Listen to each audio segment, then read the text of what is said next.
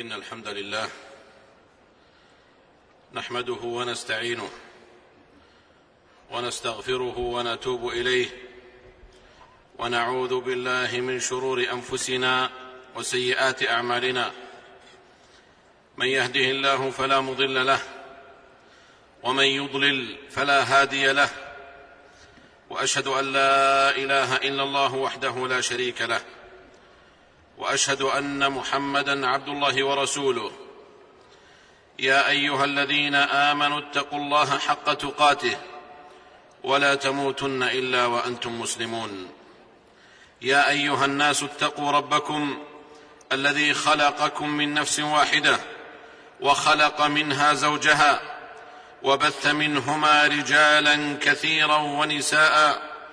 واتقوا الله الذي تساءلون به والارحام ان الله كان عليكم رقيبا يا ايها الذين امنوا اتقوا الله وقولوا قولا سديدا يصلح لكم اعمالكم ويغفر لكم ذنوبكم ومن يطع الله ورسوله فقد فاز فوزا عظيما اما بعد فيا ايها الناس ان سلامه الصدر وخلوه من الغشش والدخل وبراءه النفس من نزعه التشفي وحب الانتصار وحب الانتصار من المخطئ تلبيه لرغبه النفس المنتشيه في معالجه الخطا بالقوه الضاربه لهي سمه المؤمن الصالح الهين اللين الذي لا غل فيه ولا حسد اذ ما قيمه عيش المرء على هذه البسيطه وقلبه ملبد بحب الذات متفننا في الفظاظه والغضاضه والغلظه يعزز من خلالها قسوه قلبه وضيق عطنه فيصبح سيء الطبع سافل الهمه شره النفس يانفه الناس عند كل مرصد كثيرون هم الذين يبحثون عن مصادر العزه والفلاح مع كثرتها وتنوع ضروبها وقلة المؤنة في تحصيلها دون إجلاب بخيل ولا رجل إنما ركابها شيء من قوة الإرادة وزم للنفس عن تجرع حظوظها المتمثلة في الأنانية فطيب النفس وحسن الظن فطيب النفس وحسن الظن بالآخرين وقبول الاعتذار وإقالة العثرة وكظم الغيظ والعدل في النصف أو العقوبة كلها معايير نقاء وصفاء وعلامات للنفس الراقية المتشبثة بهدي الإسلام الراقي المتشبثة بهدي الإسلام الراقي في التعامل مع النفس ومع الآخرين ومتى ما خرج الانتصار للنفس ومتى ما خرج الانتصار للنفس ممن أخطأ في حقها أو ظلمها عن تلك الصور والمعايير فإنه الولوج في دائرة حب الانتقام ولا شك وإذا اصطبغت النفس بحب الانتقام ووقعت في أتونه فإن الغلظة والجبروت والبطش والإسراف والحيف هي العلامات البارزة التي تحكم شخصية المرء الذي سيشار إليه بالبنان على انه رمز الظلم والنذاله والوحشيه لان المعروف عن الانتقام انه انزال العقوبه مصحوبه بكراهيه تصل الى حد السخط والحقد والاسراف في العقوبه الذي يفرزه جنون العظمه وحب القهر كما قال فرعون ما اريكم الا ما ارى وكما جاء عن قوم عاد فاستكبروا في الارض وقالوا من أشد منا قوة الانتقام يذكر غالبا في معرض الذم لكونه مقرونا بالقسوة والغلظة وموت الضمير وعامة الناس لا يعرفون منه إلا هذا المعنى لا يعرفون منه إلا هذا المعنى وعندما حضنا الإسلام على العفو والتسامح وكظم الغيظ لم يرد لنا أن نكون ضعفاء ولا جبناء ولا أن, نغر ولا أن يغرس في نفوسنا الذلة والهوان كلا فإنما أرشدنا إلى ذلكم ليبين لنا أن اللين والسماحة هما أفضل وسيلة لاستلال السخيمة من الكره لاستلال السخيمة والكره من قلب من أساء إلينا ولذا فإن الانتقام مع ما فيه من القسوة والجبروت فإنما هو علامة ضعف لا قوة والضعف هنا يكمن في أن الغلظة والتشفي لهما السيطرة في قلب المنتقم على التسامح والاعتدال فمن هنا صار المنتقم ضعيفا لأن سجية الشر والحمق والهوى هي الغالبة أمام نزوته ورغبته وهذا سبب الضعف لدى المنتقم لأن التشفي طرف من العجز ليس بينه وبين الظالم إلا ستر رقيق وحجاب ضعيف ولقد كان من أميز سمات النبي صلى الله عليه وسلم أنه بالمؤمنين رؤوف رحيم وأن رسالته إنما هي رحمة للعالمين كما قال تعالى وما أرسلناك إلا رحمة للعالمين وهذه الرحمة والشفقة واللين التي ازهرت في فؤاد النبي صلى الله عليه وسلم هي ما جعلته يتلقى الرحمه هي ما جعلته يتلقى الثناء من العلي الاعلى من فوق سبع سماوات وانك لعلى خلق عظيم فبما رحمه من الله لنت لهم ولو كنت فظا غليظ القلب لانفضوا من حولك ومن هنا ندرك ان المنتقم كالاعمى لا يدرك ويحس الا بنفسه المنتقم ليس أهلا للعدل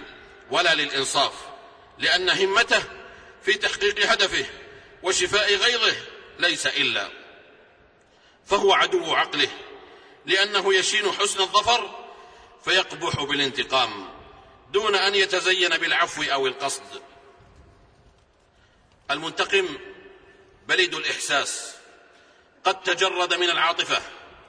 إذا استغضب زأر وإذا زأر افترس وإذا افترس أوجع وإذا كان القتل يعد من, يعد من أنكى جراحات الحياة فإن الله جل وعلا قال فيه ومن قتل مظلوما فقد جعلنا لوليه سلطانا فلا يسرف في القتل فلا يسرف في القتل إنه كان منصورا غير أن المنتقم من الناس لا يقف عند هذا الحد ولن يدرك عقله ولبه قول الله تعالى وإن عاقبتم فعاقبوا بمثل ما عوقبتم به ولئن صبرتم لهو خير للصابرين فهذه الآية دلت على الانتصار من الظالم لكنها في الوقت نفسه بينت أن العفو أخير وأفضل فمن عفا وأصلح فأجره على الله ومن أراد أن يلج التقوى من أسهل أبوابها فليعمل بقول الله جل وعلا وأن تعفو أقرب للتقوى لقد ضرب, لقد ضرب الانتقام والتشفي بأطنابه في قلوب بعض الناس وقد ظهر ذلك جليا في تعامل الأب مع ابنه أو أخيه أو الزوج مع زوجته فلربما ضربها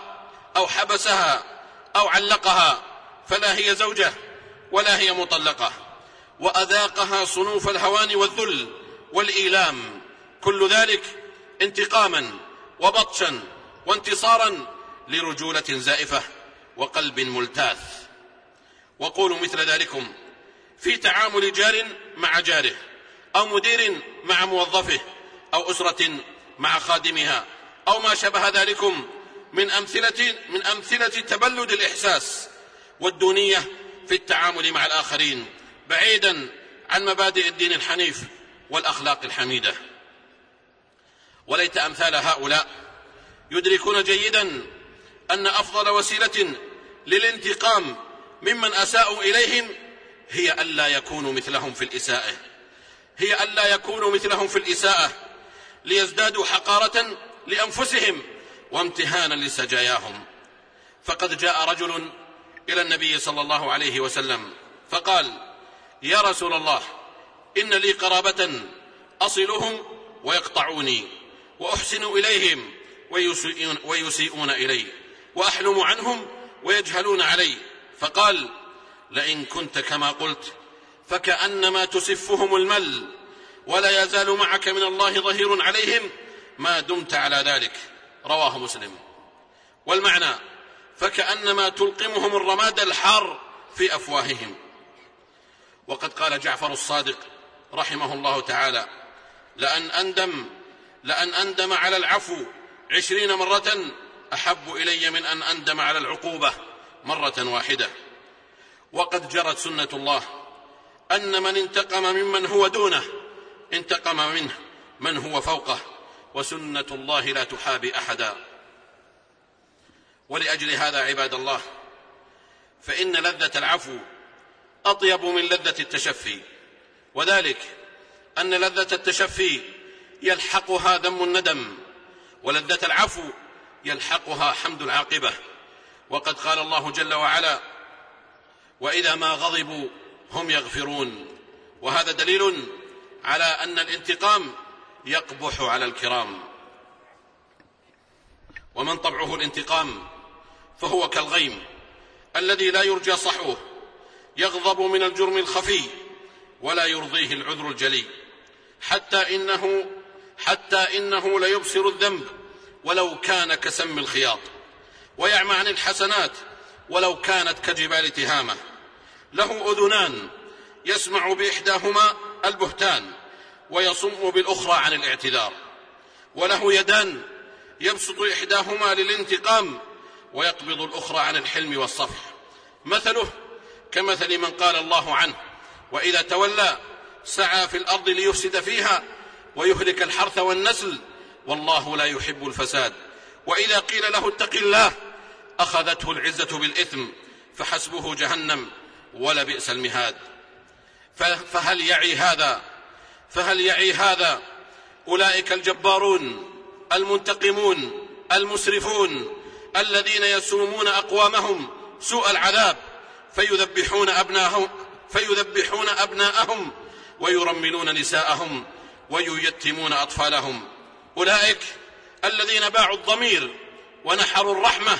وأخذتهم العزة بالإثم فعلوا في الأرض وجعلوا أهلها شيعا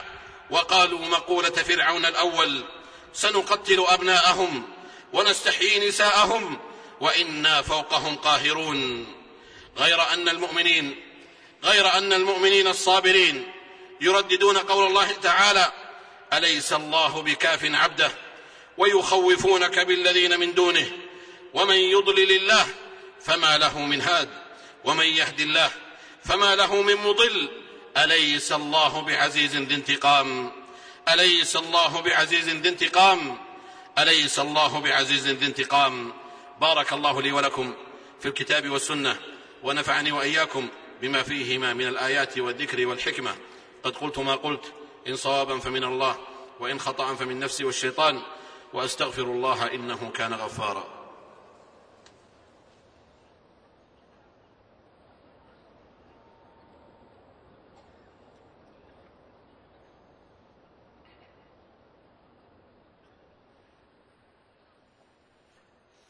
الحمد لله وحده والصلاه والسلام على من لا نبي بعده وبعد فاتقوا الله عباد الله واعلموا ان لله الاسماء الحسنى التي هي غايه في الحسن والجمال ومنها الصفات العلى التي تليق بجلاله وعظيم سلطانه فمن صفاته سبحانه وتعالى الانتقام الذي يقسم به ظهور الجبابره بعد الاعذار والانذار فقد قرن انتقامه بعزته فقال جل وعلا ان الله عزيز ذو انتقام وقال سبحانه ومن عاد فينتقم الله منه ومن عاد فينتقم الله منه والله عزيز ذو انتقام والانتقام في شريعتنا الغراء مذموم في الجمله مذموم في الجمله غير ان ثمه انتقاما محمودا شرعه الله لنا لايجاد مبدا التوازن